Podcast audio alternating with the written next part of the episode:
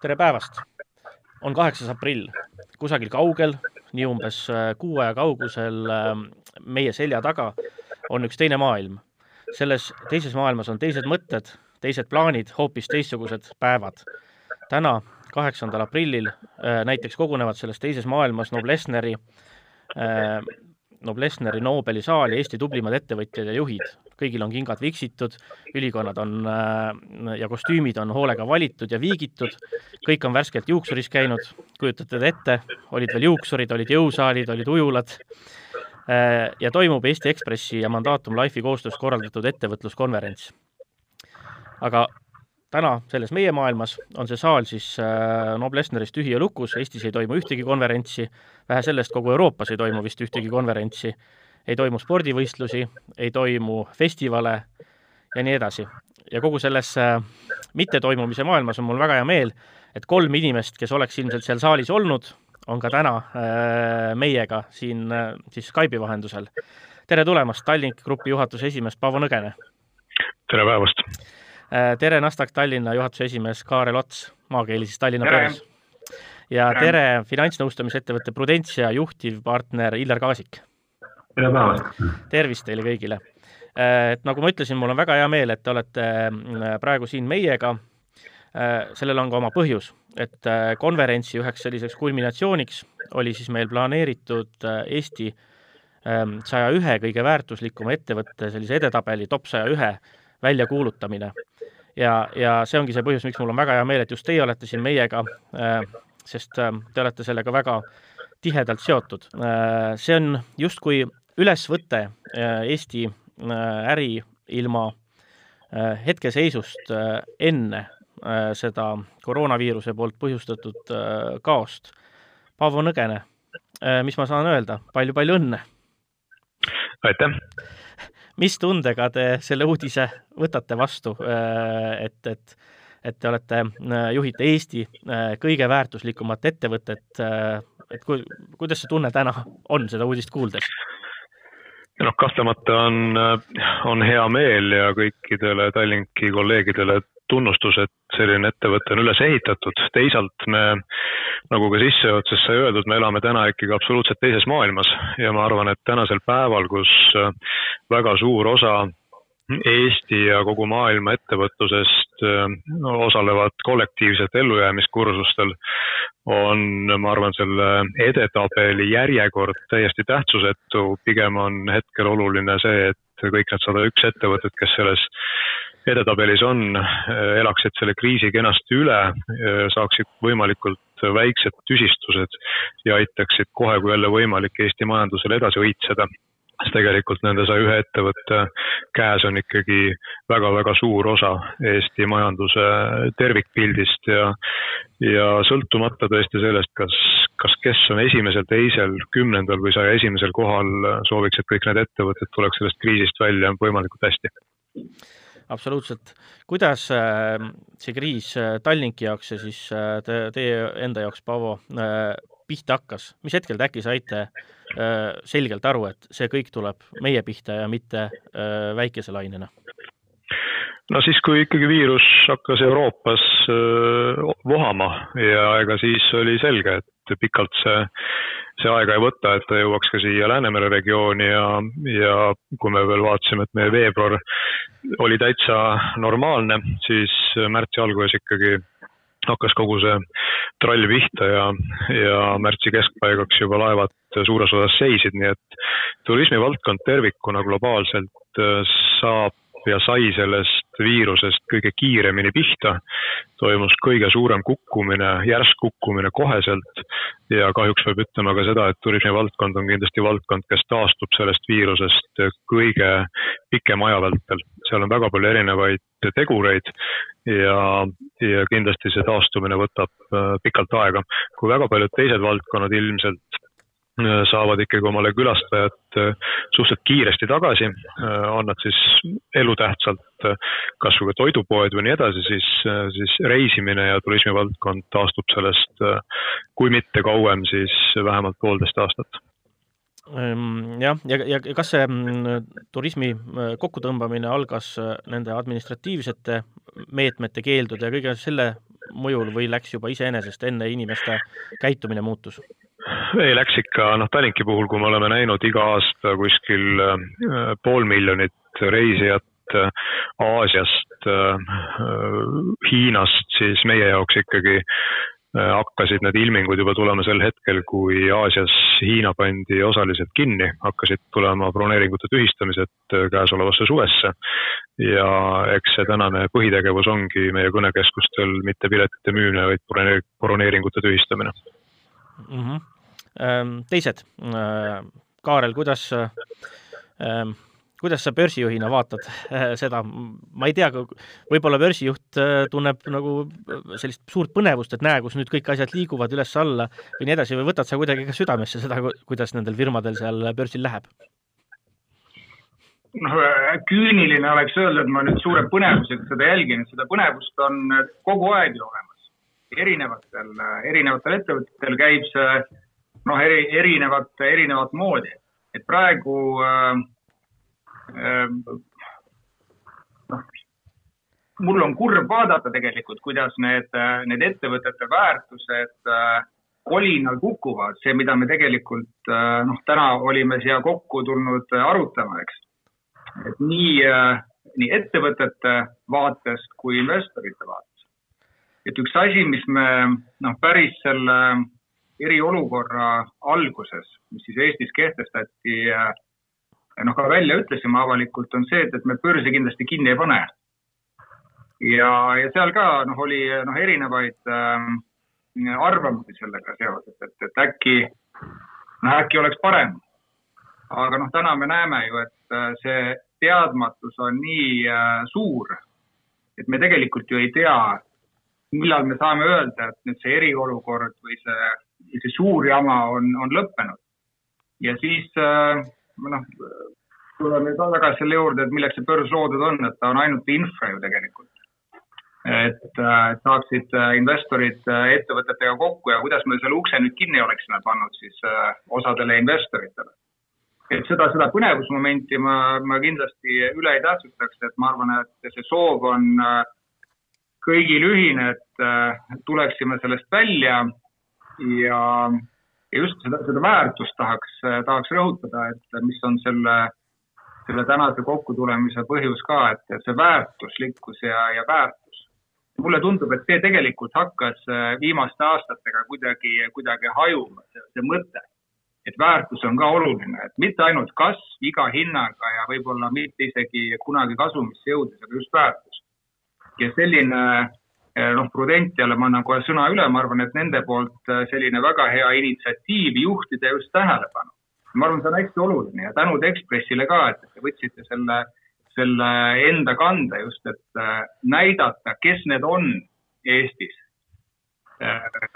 väärtuslikud ettevõtted, läbipaistvad ettevõtted, noh, hea ühingu juhtimisega jah, mm, Illar mm, on mõned ametid, kes võivad praegu mõelda, et, et ka selles kriisis on mul ka nagu kohe vahetu võimalus. ma ei tea, kes need on siis isikukaitsevahendite maaletoomisvõimekusega inimesed hetkel, advokaadid, pankrotihaldurid, kohtutäiturid võivad mõelda, et oi, mul siin tööpõld avaneb erakordselt suurel määral ja nii edasi. kuidas on finantsnõustamise või finantskonsult-, tipptaseme finantskonsultatsioonide äh, pakkuja vaade praegusele olukorrale teie enda vaatepunktist? no võiks öelda, et jah, tere, tere, head kuulajad ja tere veel kord, head saatuse osa, osalejad. tegemist on äh, vaba, sellise tundega, nagu oleksid äh, langevarjur, aga ilma langevarjuta, et kukud. maandumishetke ei tea ja, ja kui sa oled maandunud ja oled ellu jäänud, eh, siis tõenäoliselt pead eh, aasta-kaks eh, käima arsti juures ja analüüsima, et palju sa siis viga said, eks ole. aga, aga ma tooks siia juurde, mulle väga meeldis see, kuidas Rootsi kuningas rääkis Rootsi rahvale paar päeva tagasi sellest, et tema seitsmekümne nelja aastase meesterahvana on näinud mitmeid kriise ja alati kriisid saavad mööda ja, ja ka peale seda kriisi Rootsi rahvas on tugevam ja Rootsi ühiskond on tugevam. ma arvan, et sellesama sõnumi võiks korrata ka Eestis üle. et me ei näe esimest kriisi, see kriis tuli küll ootamatult, aga iga kriis pakub välja ka mingeid võimalusi ja ja me oleme selleks kriisiks võib-olla seekord natuke paremini valmistunud ka, sellepärast et Eesti on Euroopa Liidu liige. Meil on ka riigil on äh, palju suurem võimekust oma ettevõtjaid äh, toetada, mida me täna näeme ka. ja noh, vaadates oma büroo aknast täna tund aega tagasi välja, nähes Tallingi laeva sõitmas, olen väga optimist, et, et jah, kindlasti mingite kaotustega aga, aga tehes head koostööd, me tuleme sellest välja tugevamana, kui sinna läksime. kriisid on mõnes mõttes ka head, nad äh, sunnivad äh, reformima ärimudeleid ja, ja ja, ja, ja nagu Kaarel ütles, et äh, jah, et headel aegadel kõik arvavad, et kasv on, kasvul piiri ei olegi. aga, aga kriis on selline hea Äh, teinekord hea keskkond, mis aitab ära hinnata või kas me ikkagi teeme oma ärimudelit õieti ja, ja, ja sunnib meid tegema mingeid tegevusi, mida me muidu võib-olla ei teeks. Aga ärinõustajana ütleks nii palju, et äh, hetkel ma arvan, et on tööd, paljud nõustajad on ootavad seda, mida nende kliendid tegema hakkavad, milliseid otsuseid nad teevad. ja, ja noh, meie enda äritegevus näeme seda, et näiteks äh, meile tuli ka eelmine nädal sisse päring eh, infotehnoloogia sektoris, kus Soome investorid tahavad jätkuvalt Eestis osta mingeid ettevõtteid. et, et eks ta sektorite põhiselt on see olukord kindlasti lähitulevikus erinev mm. -hmm. Teie olete selline käivitav jõud olnud selle mm, väärtuslike ettevõtete tabeli kokkupanemise, metoodika väljatöötamise ja kõige selle taga et ähm, kuidas te ise nüüd äh, selle, sellist äh, aktuaalsust või, või ikkagi nagu, kuidas te seda mõtestate, seda, et mi-, mi-, mis, millega siis tegu nüüd lõpuks on, et kas see on, kas see on ähm, ma ei tea, jäljend kuskilt ajaloo, meenutus, kuidas, mis kunagi oli juba praeguseks, või on seal ikkagi mingisugune mm, äh, selline tulevikku vaatav väärtus ka? no kui me alustasime top saja Eesti väärtuslikuma ettevõtte ettevalmistamist äh, eelmise, kahe tuhande üheksateistkümnenda aasta lõpus, seal Eesti majandus oli väga heas äh, korras. ja, ja pidime täna siis majanduskonverentsi formaadis pidime võitja välja kuulutama, et ma veel kord õnnitlen Tallinki ja Paavo Nõgest võidu puhul ja, ja, ja nüüd sel aastal, kui me sattusime uude olukorda Äh, me arutasime vahepeal partneritega seda, et kas on üldse kohane äh, sellise topi avalikustamine. ja, ja ma pean kiitma Ekspress Meedia juhti Argo Virkapaut, kes ütles, et äh, me teeme seda, sest kriisile järgneb kasv. ja me oleme saavutanud seda, mida me soovisime, et me fikseerime selle, millised on Eesti väärtuslikumad ettevõtted aastal kaks tuhat üheksateist ede, edetabeli üks eesmärk oli koostada mõõdik, mille alusel hinnata Eesti majanduse võimekust vastu pidada majanduskeskkonna muutustele. see oli üks eesmärkidest. ja topi koosta-, koostamise ajal me ei teadnud seda, et muutused tulevad niivõrd kiiresti see on. aga kuidas sa saad seda, kuidas sa saad seda ette teada? me kõik teame, et ennustamine on võimatu, et äh, täna kõige targemad siin ütlevad, no sellist äh, kriisi küll ette ei, ei osanud näha, et no tõepoolest, noh, mitte keegi ju ei oleks arvanud, et me oleme olukorras, kus globaalselt me sulgeme ju majandusi. Igor Mang arvas. Igor Mang äh,, isegi kusjuures ettevõtete puhul võib-olla mitte, seda ta nägi kusjuures jah üllatavalt täpselt ette, aga see on, see on äh, noh, kahjuks ma pean, ma pean Paavoga nõustuma, et äh, siin on äh, sektorid, kui me räägime turismist, no mis saab noh, väga kõvasti pihta sellega et siin ei ole, me ei räägi ju sellest, et, et mis põhjustel on seda kriisi ju tegelikult ette manatud siin viimased noh, neli aastat, igal konverentsil küsiti, millal tuleb mm. -hmm. siis oli ju see, põhjuseks toodi see, et, et ettevõtted on kuidagi nagu noh, nagu pärmi peal paisuvad mm. -hmm. ja toodi põhjuseks rahatrükki. keegi ei rääkinud sellest, et nüüd mida, midagi taolist, et see pauk on jah, teises suunas ja ma ütleks, et noh, Äh, pehmelt öeldes peale sunnitud on ju see selline vaakumis olek täna. aga nüüd on oma, omakorda veel huvitavam see, et äh, nüüd ju trükitakse raha kordades hoogsamalt. et mis on selle tegelik mõju nüüd siis kolme, nelja, viie või kümne aasta perspektiivis? eks me selles eksperimendis, ma arvan, äh, oleme ikkagi jah, näeme igasugu huvitavaid asju, et, et see maailma võlatase, mis kasvas eelmisest kriisist, oli juba enne seda kõik ju noh, said aru, mõtlevad inimesed, et seda ei ole võimalik ju tagasi maksta, inflatsiooni ei olnud võimalik tekitada. et nüüd on see noh, põhimõtteliselt vist on äh, igasugused klaaslaed on äh, ära võetud, et äh, et seda saab olema jah aga väga, väga, väga pingeline vaadata. kas te selles kõiges, mida praegu teeb maailm, Euroopa, Euroopa suurriigid äh,, äh, IMF, Maailmapank äh,, OECD, mida nad nagu püüavad kuidagi äh, teha, kas te näete selles ka mingisugust äh, nagu süsteemsust või süsteemset plaani või on see praegu ikkagi äh, noh, selline äh, ma ei tea, kõrgelt vette kukkunud niisugune nagu segamatu rapsimine, et äkki minu liigutused viivad pinnale?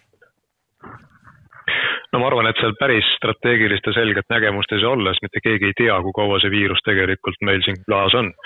ja noh, mulle tundub vähemalt, mida nüüd siis suhteliselt tohtralt tehakse, on see, et valame hästi palju raha sisse, et äkki siis, kui piirid lahti lähevad, taastub enam-vähem see normaalsus, mis oli enne.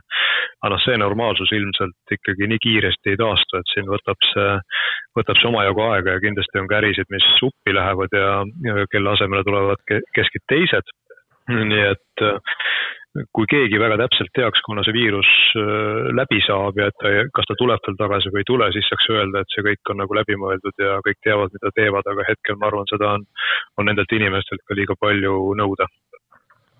lisaks nii palju, et, et me kõik teame, kui palju maksab äh, ühe töökoha loomine ühiskonna jaoks, et riigid kõik panustavad oma konkurentsivõime kasvu panustavad erinevate programmide kaudu ka headel aegadel sellesse, et eh, töökohti tekiks riiki juurde ja keskmine sissetulek kasvaks.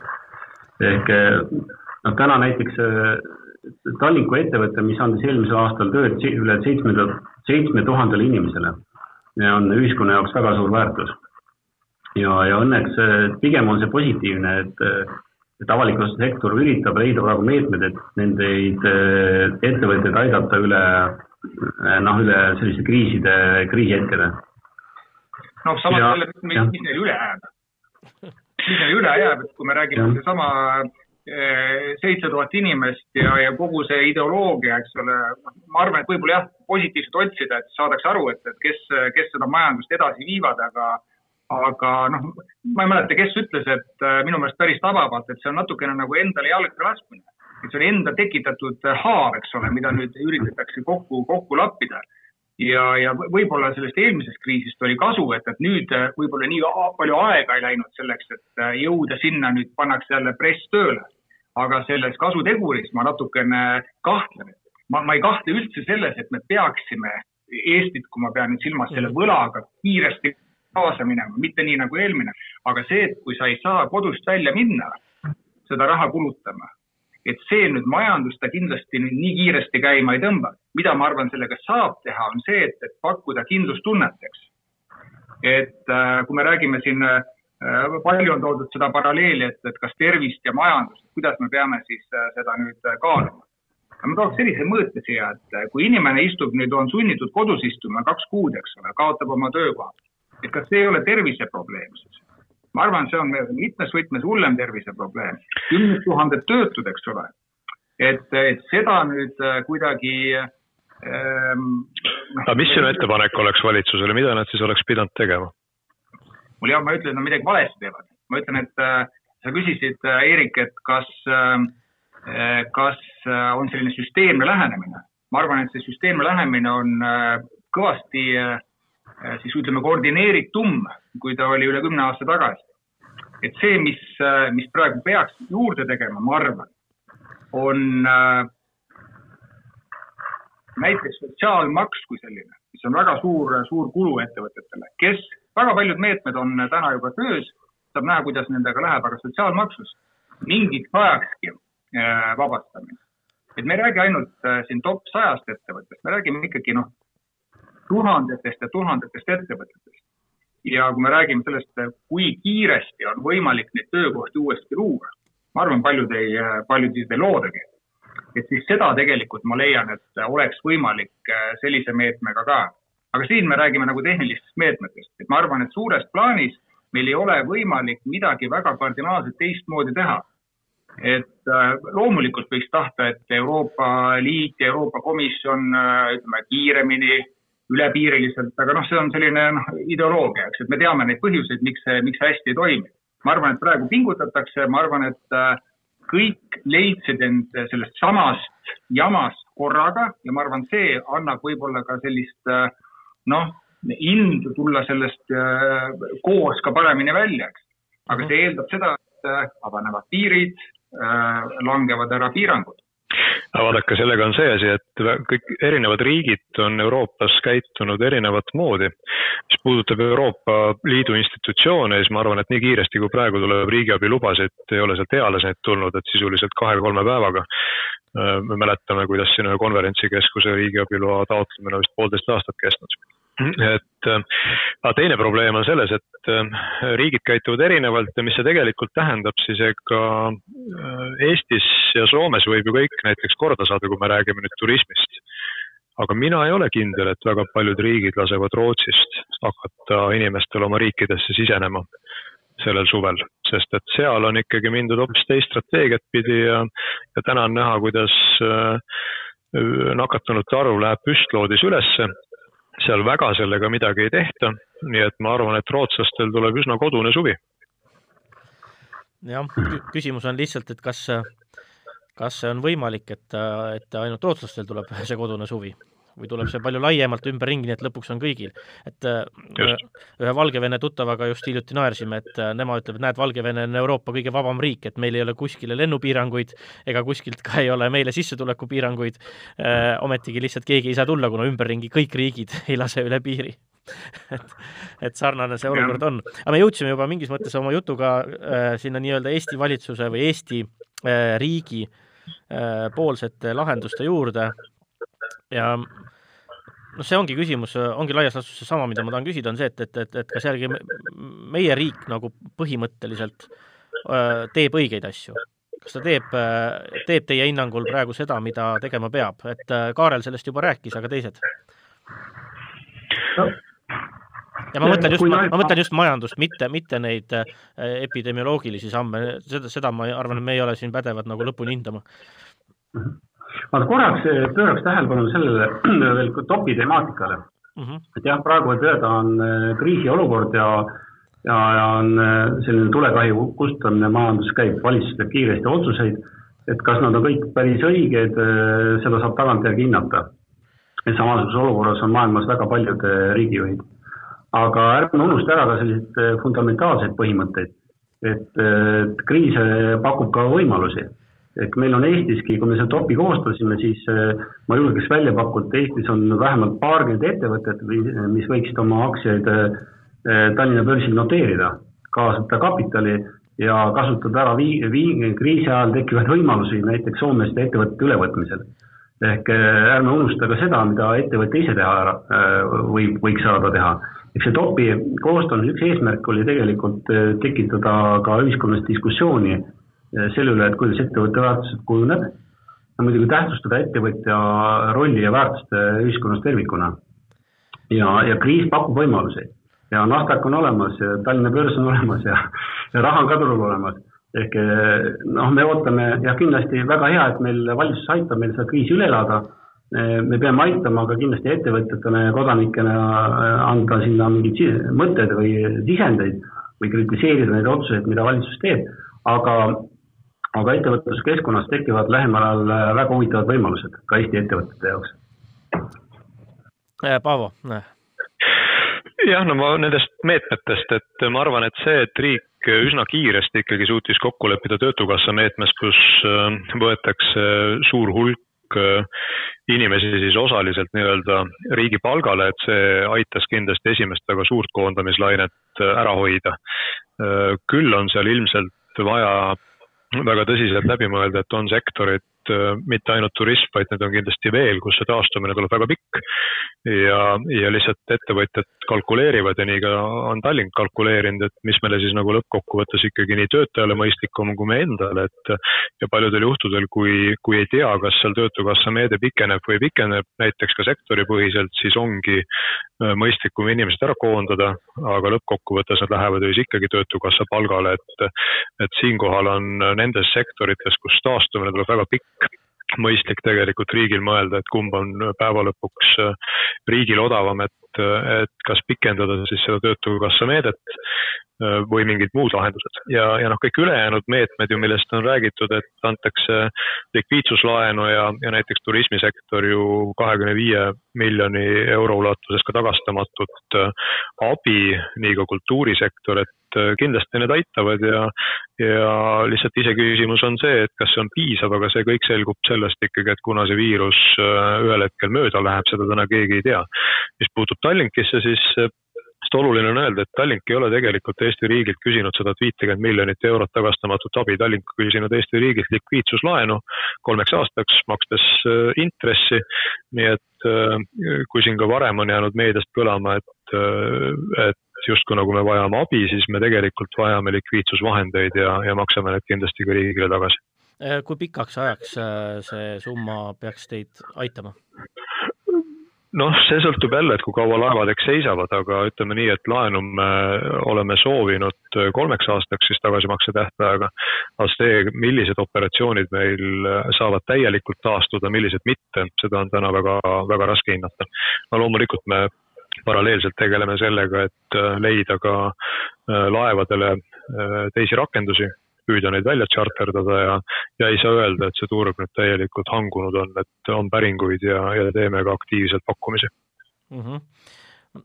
mis üldse Tallinki mm, selline olukord või üldpilt on, et teil mitmeid väiksemaid selliseid julgeid samme, nagu ma ei tea, Burger Kingide avamine või, või, või suuri julgeid samme äh, nagu äh,, nagu siis see Tallinna linnahalli ja sadama äh, väljaehitamine äh,, see on äh, Need on just need asjad, mis olid kõik nagu kohe-kohe juhtumas või käima minemas või selline uued riskid, mingitele muudele turgudele minemine, Balti merelt väljaliikumine ja nii edasi, et kus te äh, tänaseks olete, mis projektid te olete nagu täiesti külmutanud? Äh,, mis neist projektidest saab?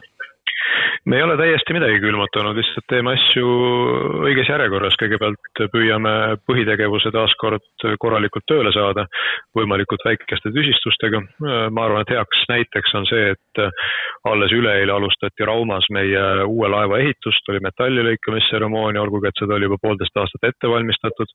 ega tulevikku tuleb edasi ehitada, see viirus läheb ühel hetkel üle ja ja ettevõtted peavad olema ka peale selle viiruse äraminekut või sellest lahtisaamist äh, edukad ja suutelised oma tegevust jätkama, selleks et Eesti majandus saaks edasi areneda. Ja ega noh, sellepärast ju ka riik äh, pakub neid võimalusi, et aidatakse siis Euroopa Komisjoni poolt lubatud subsideeritud laenuintressiga anda laenu Äh, Covid-19 kontekstis kõikidel riikidel, et need meetmed kindlasti aitavad seda, et ettevõtted suudavad äh, suures osas sellest probleemist välja tulla. lihtsalt igal ettevõttel see väljatuleku aeg või periood on erinev, sektorid taastuvad erinevalt mm. -hmm. kui kriisi pole, siis, siis saavad Äh, siis äh, nagu edukad on, on need ettevõtjad, kes julgevad võtta riske ja teevad äh, mõnes mõttes nagu sõgedaid asju või, või lähevad, astuvad paar sammu rohkem. nüüd, kui on kriis, siis muidugi see kriis kõige valusamalt lööb just neid, kes on neid riske võtnud või võtmas või kellel on, kellel on siis selle võrra ka kiri, kõri rohkem kinni finantsiliselt mis te arvate, mis niisugused, ähm, mis see olukord äh, teeb ettevõtjate psüühikaga, mitte siis psüühikaga äh, selles vaimse tasakaalu mõttes, vaid just nende psühholoogiaga, et kuidas nad äh, riskidesse suhtuvad või kuidas see muudab riskikäitumist? jälle riskikäitumist siis, riskide võtmise julgust no nagu siin ennem juba tegelikult kõlas, ega need riskid annavad ka võimalusi uuteks tulekuteks ja annavad ka nendele olemasolevatele riskialtidele ettevõtetele võimaluse kuskil edasi laieneda täiesti ootamatult, kui kuskil jääb kas tühi koht. nii et ega me ju näeme ka näiteks laevandussektoris seda, kuidas Itaalias on kaks suurt ettevõtet tänaseks äh, pankade kontrolli alla võetud ja nii edasi, et kindlasti kriisides leidub võimalusi ja ma arvan, et need, kes on olnud riskialtid, kui nad tunnevad, et nad oma nii-öelda kodu suudavad korras hoida, siis ollakse valmis neid riske taaskord võtma. no ma lisaks nii palju, et ka ühiskonna huvides peaks olema see, et meie eh, suurimad ettevõtted on konkurentsivõimelised, sest see tagab tegelikult eh, riigi majandusjulgeoleku, riigi rikkuse, kõrged keskmised palgad kõik selle, mida me kodanikena soovime. et me peame oma tugevaid ettevõtteid hoidma ja, ja pigem isegi lootma, et nad suudaksid näiteks selles olukorras kriisi ära kasutada. no jah, raske mitte nõustuda, et äh, ma ei taha nüüd väga ajalukku uitama minna, aga kui me räägime, mis on edasi viinud maailma, on ju uudishimu ja ambitsioon ja, ja riskiisu, eks. ja paned selle rahaga kokku, et siis, äh, siis sünnivadki äh, ägedad asjad ja, ja innovatsioon ja nii edasi, et et võib-olla, kui sa küsisid, et mis, mis muutuma hakkab, et noh, ma arvan, et erinevat moodi, aga selline võib-olla selline puhvri, puhvri teema äh, rohkem. eelmisest kriisist ma tean päris paljud, paljud ettevõtted äh, näiteks äh, panid oma tegemised paari panka vähemalt. et enne seda oldi nagu ühes. paljud võtsid juurde sellise arvelduskrediidi endale, mida tegelikult ei olnud vaja lihtsalt kuna siis oligi selline suur likviidsuskriis. Mhm. et ma arvan, selliseid, äh, selliseid olenevalt spetsiifikast, olenevalt tegevusalast võib, võib tulla küll mm. -hmm. kas praegu on juba näha seda, et, et läheb, et lähebki asi seda teed ka, et, et riik muuhulgas suurendab oma rolli siis mitte ainult vahetute toetuste abil või selliste nagu laenumeetmete abil, vaid ka oma osalusi ehk oma osakaalu börsil äh, osakaalu äh, SKP-s ja nii edasi, et kas, äh, kas see võimalus teie meelest, äh, kas see paistab?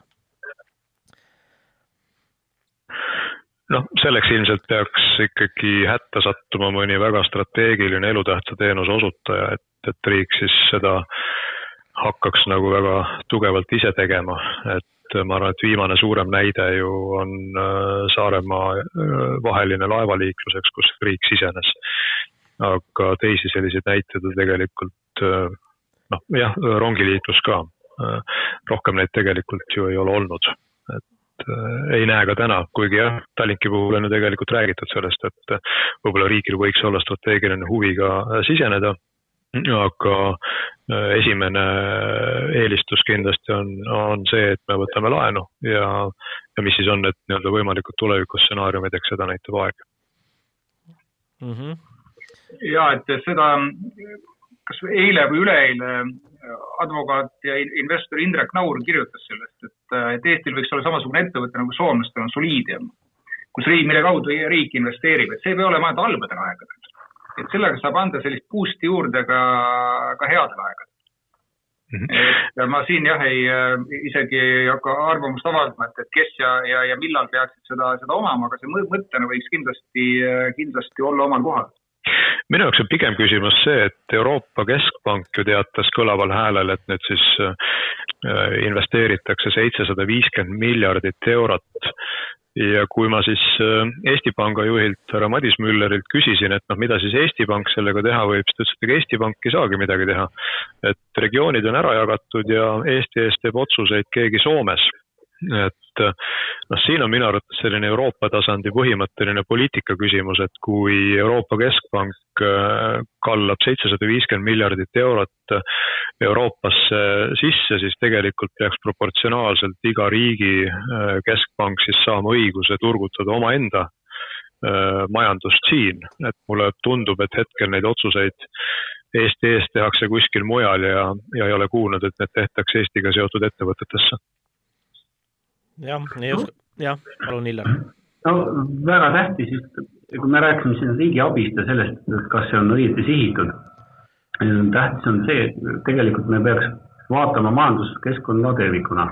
ehk kõik ettevõtted ei ole hädas täna, näiteks farmaatsiatööstus võtab äh, töötajaid juurde ehk ravimitootjad võtavad tööd, turul tööd või töö, tööturult tööjõudu juurde praegu reaalselt Eestis ka nüüd elutähtsad valdkonnad äh, ja infrastruktuuriettevõtted, noh, ma ütleksin, Tallink on ka tegelikult infrastruktuuriettevõte, ta tagab äh, reiside veo Eesti ja Soome vahel. et see Eesti-Soome majanduskoostöö, Eesti-Soome-Rootsi majanduskoostöö on strateegiliselt äärmiselt tähtis ka Eesti majanduse jaoks tulevikus. kas siis, kui kriis üle läheb täna ja ülehomme ja üle-ülehomme. ehk äh, need valitsuse meetmed peaksid säilitama need väärtused, mis majanduskeskkonnas olemas on see peaks tagama selle, et ei tekiks sotsiaalseid kriise ühiskonnas, aga kõik ettevõtted ei vaja abi. kõik, kõik ei ole vaja abistada. võib-olla neid on ikkagi väga vähe, mulle tundub küll, et kui sa isegi ise olid seda topi koostamas, et sealt ikkagi kasvõi sellest sajast, ma arvan, selliseid, kellel nagu väga hästi täna läheb, on ikkagi ikkagi vähe, et sellised äh, väga laiaulatuslikud mõõtmed, eks need ikkagi löövad äh, löövad enam. jah, aga noh, küsimus on jällegi, et kuna see kõik mööda läheb ja kui kiire tuleb see taastumine, et me oleme tegelikult täna selles olukorras olnud natukene vähem kui kuu aega, et ma arvan, et täna on esiteks põhjapanevaid hinnanguid meil siin kindlasti vara teha ja teiseks ma kindlasti ei räägiks ka täna veel näiteks Eesti börsi, et Eesti börsil noteeritud ettevõtete väärtuse langusest, et noh, see on selline ettevõtete väärtus ikkagi ei kajastu ainult selles, millega konkreetsel päeval börsil aktsiat müüakse, et keegi selle hinna eest tervet ettevõtet osta ei saa. et selle ettevõtte väärtus ikkagi kujuneb väga paljudest teistest teguritest korraga mm. -hmm jah, ja see ongi üks küsimus ka, et, et kas need suured kukkumised on, on, on need, mida ma tahtsin ka tegelikult küsida teie käest kui selle ala spetside käest, et kas et räägiti ju sellest, et see rahatrükk tõi ennekõike kasvu börsidel ja, ja nii-öelda just sellesama ettevõtete sellise aktsiaväärtuse suured kasvud, mis jälle teenisid aktsionäride huve, aga nagu laiemalt justkui ühiskonda Äh, samaväärselt ei, ei edendanud, justkui oli selle kriitika loogika. Äh, nüüd ongi küsimus, et, et, et kas, et kust praegu kõige rohkem õhku välja lastakse, et kas päris nagu ettevõtete äh, sellisest tegelikust väärtusest ja võimekusest või, või on seda võimalik üldse lahku viia, sedasama, mida Paavo praegu ütles, või, või, või on see tegelikult äkki äkki ongi see nagu seal börsil ja turgudel ja usalduse tasemel ja kuskil nagu seal natuke virtuaalsemas maailmas? ma ei tea, et kui näiteks, kas Tallinna börs on teinud arvutused, mis on Tallinna börsil noteeritud ettevõtete bilansiline väärtus book value alusel ja mis ta siis on börsil, et kui suur see vahe seal on kõikide börsiettevõtete peale kokku? Ei ole, seda teevad investorid meile ja arvutavad neid, et äh, ma toon sellise näite siia, et pendel, et see pendel liigub ja ta väga sageli liigub ühest äärmusest teise. ja börs on see koht, kus, kus seda on kõige parem, parem jälgida sellised ülereageerimised tekivad, tekivad kriisidega. ma arvan, et praegu on ta kuskil, kuskil ühes äärmuses. võib-olla ta eelmisel aastal oli, oli, oli teises äärmuses veel. Et seal ma, ma arvan ka, et me peaks nagu igapäevaselt seda, seda jälgima, et millised need väärtused on, sest kui me mõtleme turuväärtuse peale, siis sul on kaks kohta, kus see turuväärtus tekib. ongi, sul on börsil, sest et ta on kaubeldav või siis ettevõte müüakse maha, see on turuväärtuseks. ma, ma segan vahele, et vabandust, et ei ole kaubeldav. enamus ettevõtete, enamus osadest aktsiatest ei ole börsil kaubeldavad ja see hind ei ole teada. millega siis suuromanikud oleks valmis seda ettevõtet tegelikult müüma. et kaubeldav on ainult üks väike osa, kus tõesti see pendel käib ühest otsast teise ja on väga palju emotsionaalseid põhjuseid, miks see nii läheb. väga õige, oleneb sellest, et kui suur on see vabalt kaubeldav osa absoluutselt, muidugi. sellepärast ma tõingi, et sul on kaks kohta, mis ütleb, sul on see market value, eks. teine variant ongi see, kui nagu Paavo ütles, et kui ettevõte müüakse maha. ja sama, noh, me võime tuua ka teiste selliste ähm, noh, raskesti hinnatavate äh, objektide kohta. üks on aktsia või on võtta kinnisvara samamoodi. kunagi oli panganduses üks klient, kes ütles, et tema kinnisvara on hindamatu et noh, sellepärast neid, neid kalkulatsioone tehaksegi, et, et noh, antud juhul siis pangale vaadata, kas siis äh, eelnevate müükide või millegi sellise põhjal, mis see väärtus võiks olla. et sellist äh, äh, noh, täna investorid, nemad ikkagi ma ütleks, et hindavad ju selle, selle baasil, mida nad täna näevad ähm, börsil, börsil toimuvat. Ja ma ühte asja tahaks öelda, et, et kindlasti ei, ei ole sellist asja nagu keskmine ettevõte sa küsisid alguses, et, et kuskohast õhku välja lastakse, et need on väga erinevad, ma arvan.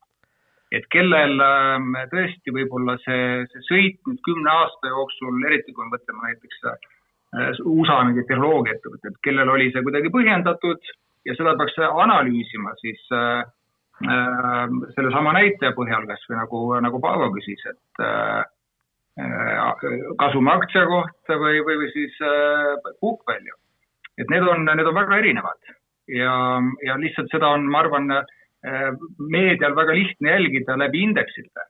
aga seal see indeks koosneb ikkagi erinevatest ettevõtetest ja nende ettevõtete äh, tegevused ja valmisolekud ja puhvrid, äh, need on kõik erinevad. jah, Illar. jah, et jah, kui me räägime näiteks Tallinkist kui tänasest topi võitjast ja, ja sellest hindamisväärtusest, siis ma olen härra Paavoga selles mõttes väga nõus, et tegelikult börsil on siiski ju kaubeldav osa aktsiatest siiski väiksem osa kogu ettevõtte aktsiapaketist. et kui näiteks Tallinkil oleks tulnud ülevõtmispakkumine, oletame nii, mängime siis mängu, eks ole, et oleks tulnud üle, ülevõtmispakkumine detsember kaks tuhat üheksateist ja, ja teine pakkumine tuleks nüüd aprill kaks tuhat kakskümmend. et milline oleks siis selle ülevõtmispakkumise väärtus, et kaks tuhat üheksateist, kas ta oleks üle aktsiahinna äh, turul, tõenäoliselt oleks üle aktsiahinna. no ma, ma spekuleerin, no täna ta on, noh, täna on lihtne öelda, et täna on allapoole, eks ole. aga noh, kui me nüüd ettevõtted müüme, siis ka meie oma äritegevus näeme seda, et kui müüa ettevõttest kümneprotsendine osalus ja sa müüd ära osaluse, mis, mis ei taga kontrolli ettevõtte üle, siis selle väärtus võib olla äh, mõnikord viis korda madalam kui, kui kuuekümne protsendise aktsiapaketi hind või, või kogu ettevõtte väärtus. ehk äh, tegelikult oleks väga positiivne, kui rohkem ettevõtted tuleks äh, Tallinna börsile Eestis, kui Eesti, Eesti ettevõtted, omanikud teeksid selle julge otsuse, teeksid oma ettevõtte läbipaistvamaks ja ja konkureeriks turul võrdsetel alustel ja suurendaks sellega kapitaliturgu. ja oleksid julgemad, kaasaks kapitaliturult ja, ja, ja läheks Soome või Rootsi konkurente ära ostma või Läti-Leetu, eks ole. et see oleks väga positiivne. aga jah, et ettevõtte tegelikult investori jaoks või no ütleme, et selle topi koostamisel meie üks eesmärk oli see, et me tekitame arutelu selle üle, et milline on ettevõtte väärtus. ja väga hea, et me täna ka arutame selle üle, selle saate käigus me täidame seda eesmärki nii väikeinvestori jaoks kui ettevõtte omaniku jaoks. mida meie börsiinvestor praegu teeb? Meie börsiinvestor on paanikas. Ma pakun välja, paanika on ju, ümberringi on paanika. eile tegi, eile tegi väga tarku otsuseid. Mis ta eile tegi? Aktsiahind tõusis. Eile oli täitsa roheline, no vot noh, samamoodi nagu ettevõtete puhul, ei saa ju öelda, et kes see kesk-, mis see keskmine investor teeb, et ma arvan, investorid ka käituvad täna hoopis, ähm, hoopis ähm, noh, informeeritumalt võib-olla kui, äh, kui kaksteist aastat tagasi.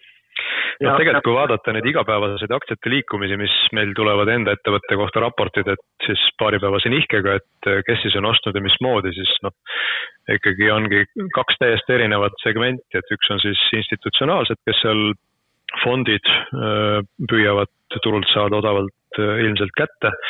Ja siis on tõesti väikeste aktsiakogustega inimesed, kes siis ilmselt kartuses, hirmus, võib-olla tundmata, teadmata täpsemalt ettevõtete taustu, nende finantsandmeid, nende riskitaluvust ja nii edasi, teevad emotsiooni pealt siis äh, müügiotsuseid ja, ja loomulikult on ka seal ostjad, et, et eks seal selline osad äh, targemad rohkem analüüsivad, teevad otsuseid selle pealt, et mis nad siis nagu arvavad, et kas see ettevõte jääb alles või ei jää ja kas ta on nagu tugev või ta ei ole ja teised teevad tõesti hirmumüüki.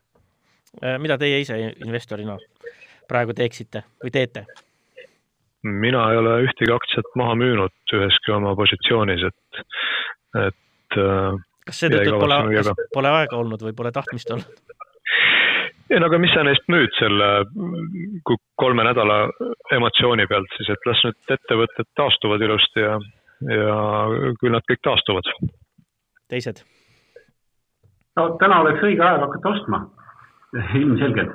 ma kuulasin äh, ühe noore tütarlapse arutelu Äripäeva äh, investeerimistunnis ja kus ta rääkis seda, et ta müüs oma portfelli lühikeseks siis, kui tuli esimene uudis Covid-19 kohta.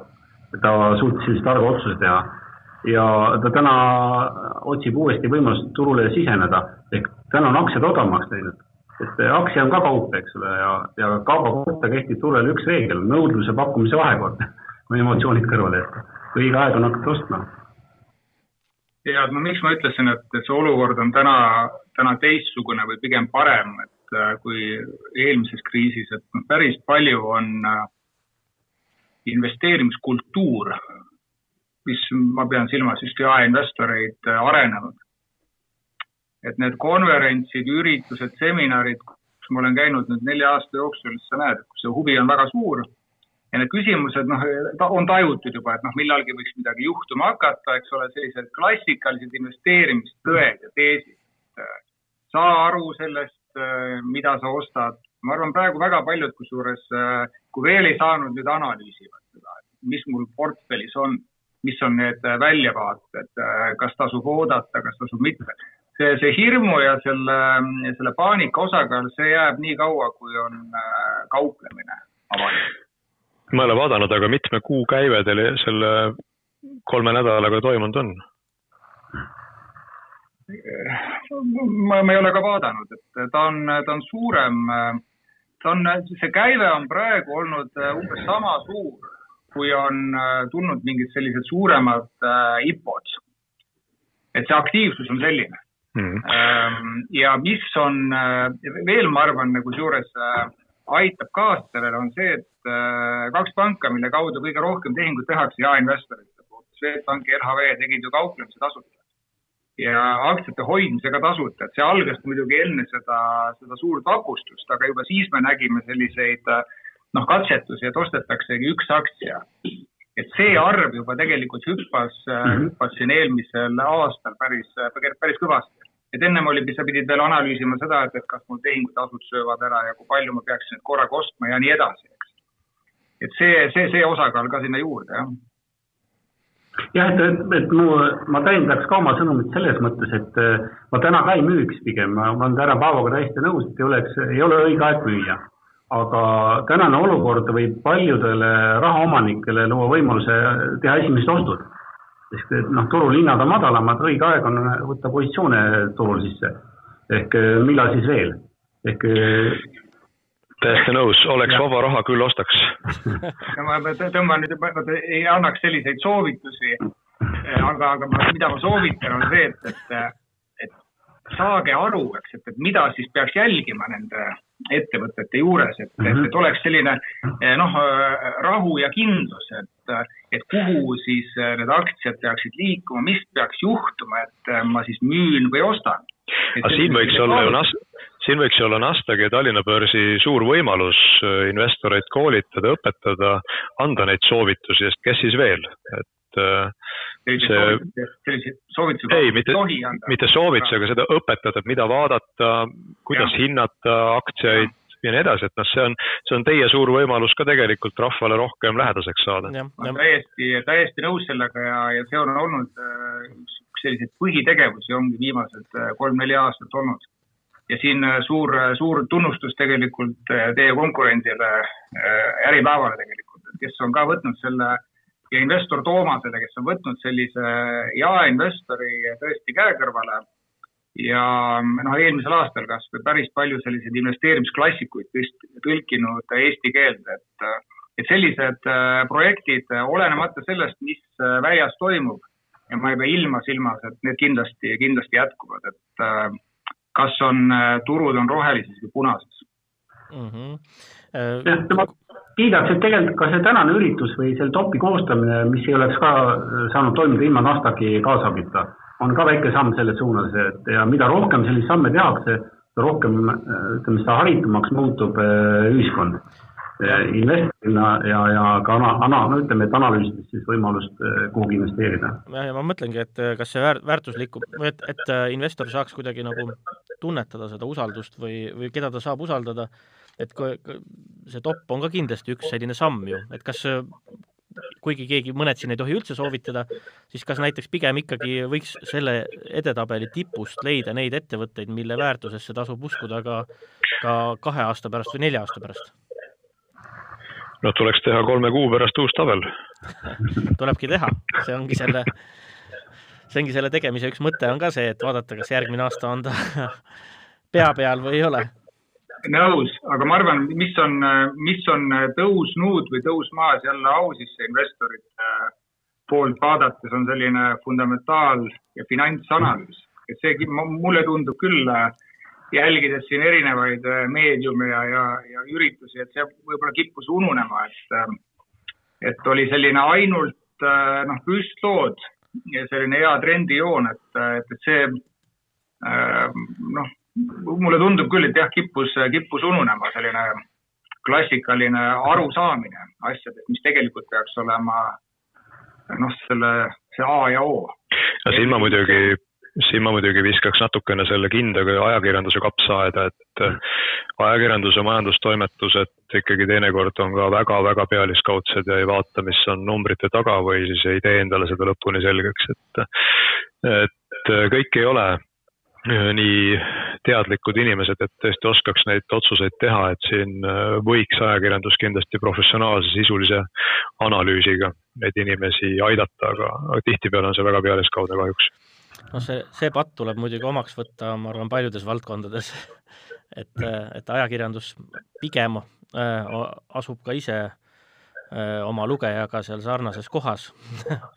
Mitte öeldes, tahtes nüüd lugejat kuidagi hukka mõista, aga või lugeja kohta midagi pahasti öelda, äh, sest et äh, lihtsalt see on võib-olla teistsugune maailm kui see, kus äh, sageli asjad päriselt toimuvad. Teistsugune otsuste ruum.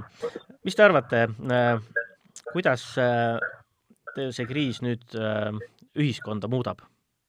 mis on sellised äh, arengud äh, ühiskonnas, mis, mille peale me poleks võib-olla neli kuud tagasi mõelnud või teinud?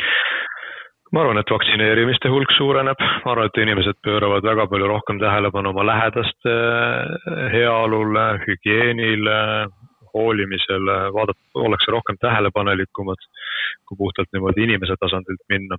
ja, ja ma arvan, et ettevõtted ja kõik, kes ettevõtlusega tegelevad, panevad enda stsenaariumitesse kirja ka selle versiooni, et ühel hetkel võivadki olla kõik piirid kinni ja, ja siis peab ka hakkama saama mm. -hmm. kuidas teised tahavad täiendada? Mina täiendaks seda sellega, et, et kui viimastel aastatel on räägitud eh, jätkusuutlikust arengust palju, seda, et eh, maailm peab ressursse paremini kasutama efektiivsemalt, siis paraku see kriis on, teeb nüüd väga palju meie eest ära, eks ole, et me kasutamegi mingeid ressursse efektiivsemalt, teeme kaugtööd näiteks, õpime kaugtööd tegema, sõidame autoga vähem mõttetult äh, töökoha juurde, no oleme perega koos, käime looduses. võib-olla meil tekib ka lisaaega näiteks mõelda, kuidas oma investeeringus, investeerimisportfelli üles ehitada. ehk, ehk on aega analüüsida ettevõtteid ja nende ärimudeleid. ehk noh, meie topiga ei soovita teha investeeringuid. aga, aga mida võiks soovitada, et investorina võiks lugeda äh, ettevõtete majandusaasta aruandeid ja vaadata, millega ettevõtted tegelevad, kuidas nende ärimudel on üles ehitatud. ja, ja topi koha pealt, noh, kuna meie partnerid on teinud ka Baltikumi topi ja Baltikumi topis on kaks tuhat üheksateist on esimene koht on Maxima omanikel, teine on Swedbank ja kolmas on Tallink. siis ma loodan, et peale kriisi Tallink on võib-olla teine või, või võib-olla esimene et hoiame pöialt. et see kriis annab palju häid võimalusi ja et kui ühiskond teeb tarku otsuseid, siis äh, Eestis on väga hästi juhitud ettevõtted, mille väärtus võiks ka kriisi all võib-olla kiiremini kasvada või, või tavaolukorras.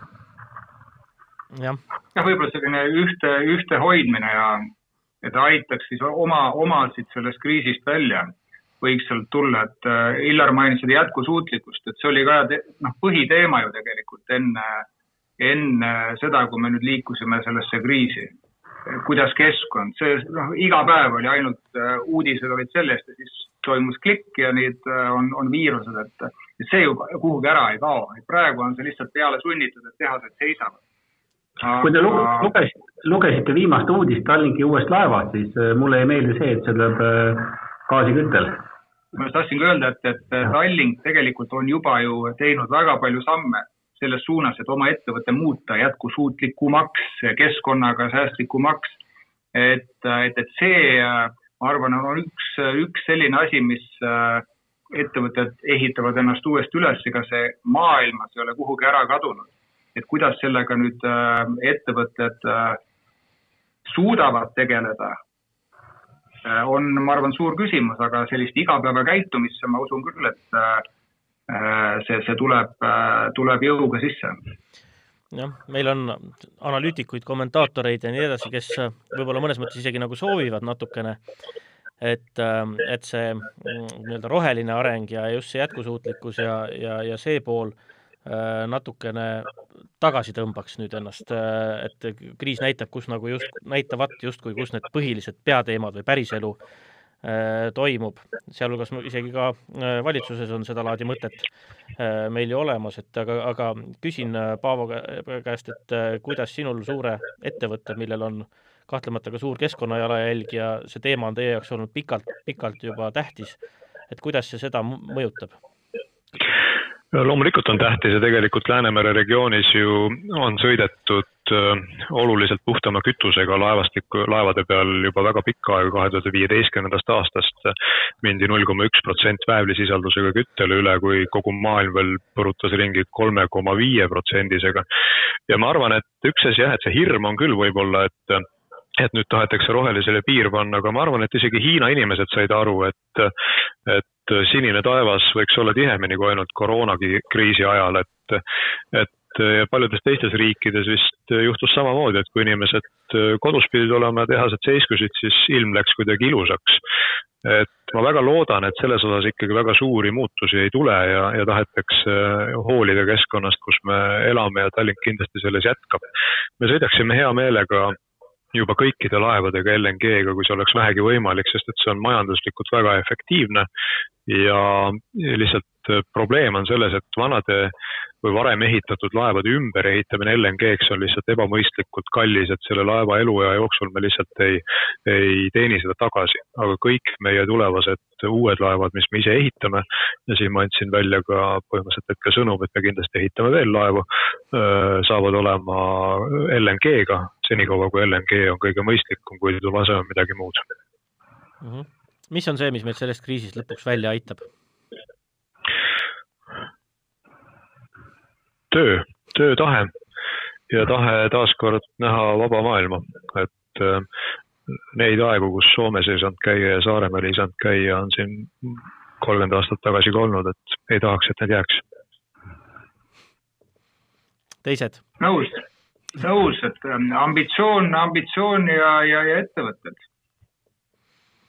ja kriis on väga hea, ta aitab reformida ärimudeleid, meie ettevõtetel on palju ambitsioone ja ja eile oli, Marina Kaljurand rääkis sellest, et milline peab Euroopa roll olema selles olukorras. et eh, kolm põhimõtet, kapitali, inimeste ja teadmiste vaba liikumine piirid lahti. väga hea. saaks, saaks nad liikuma, jah ja.. Äh, väga hea, äh, ma tänan teid äh, osalemast selles diskussioonis, mis oli äh, võib-olla isegi aktuaalsem, kui me oleksime algselt tahtnud, selles mõttes, et küll oleks tahtnud rääkida sellist ajatust ja pikast perspektiivist ja suurest eduloost, aga igal juhul kindlasti soovime mm, väga ühest küljest palju õnne, teisest küljest väga palju jõudu ja, ja nii-öelda tulevikku suunatud õnne äh, siis äh, meie kõige väärtuslikumatele ettevõtetele, äh, mille top kolmes siis meie suured tuntud hiiud Eesti Energia, Swedbank ja esimesena Tallink palju jõudu! aitäh! ja kõigile teistele ka palju jõudu! teistele ka head tervist, hoidke ennast, oma inimesi ja, ja meie maad!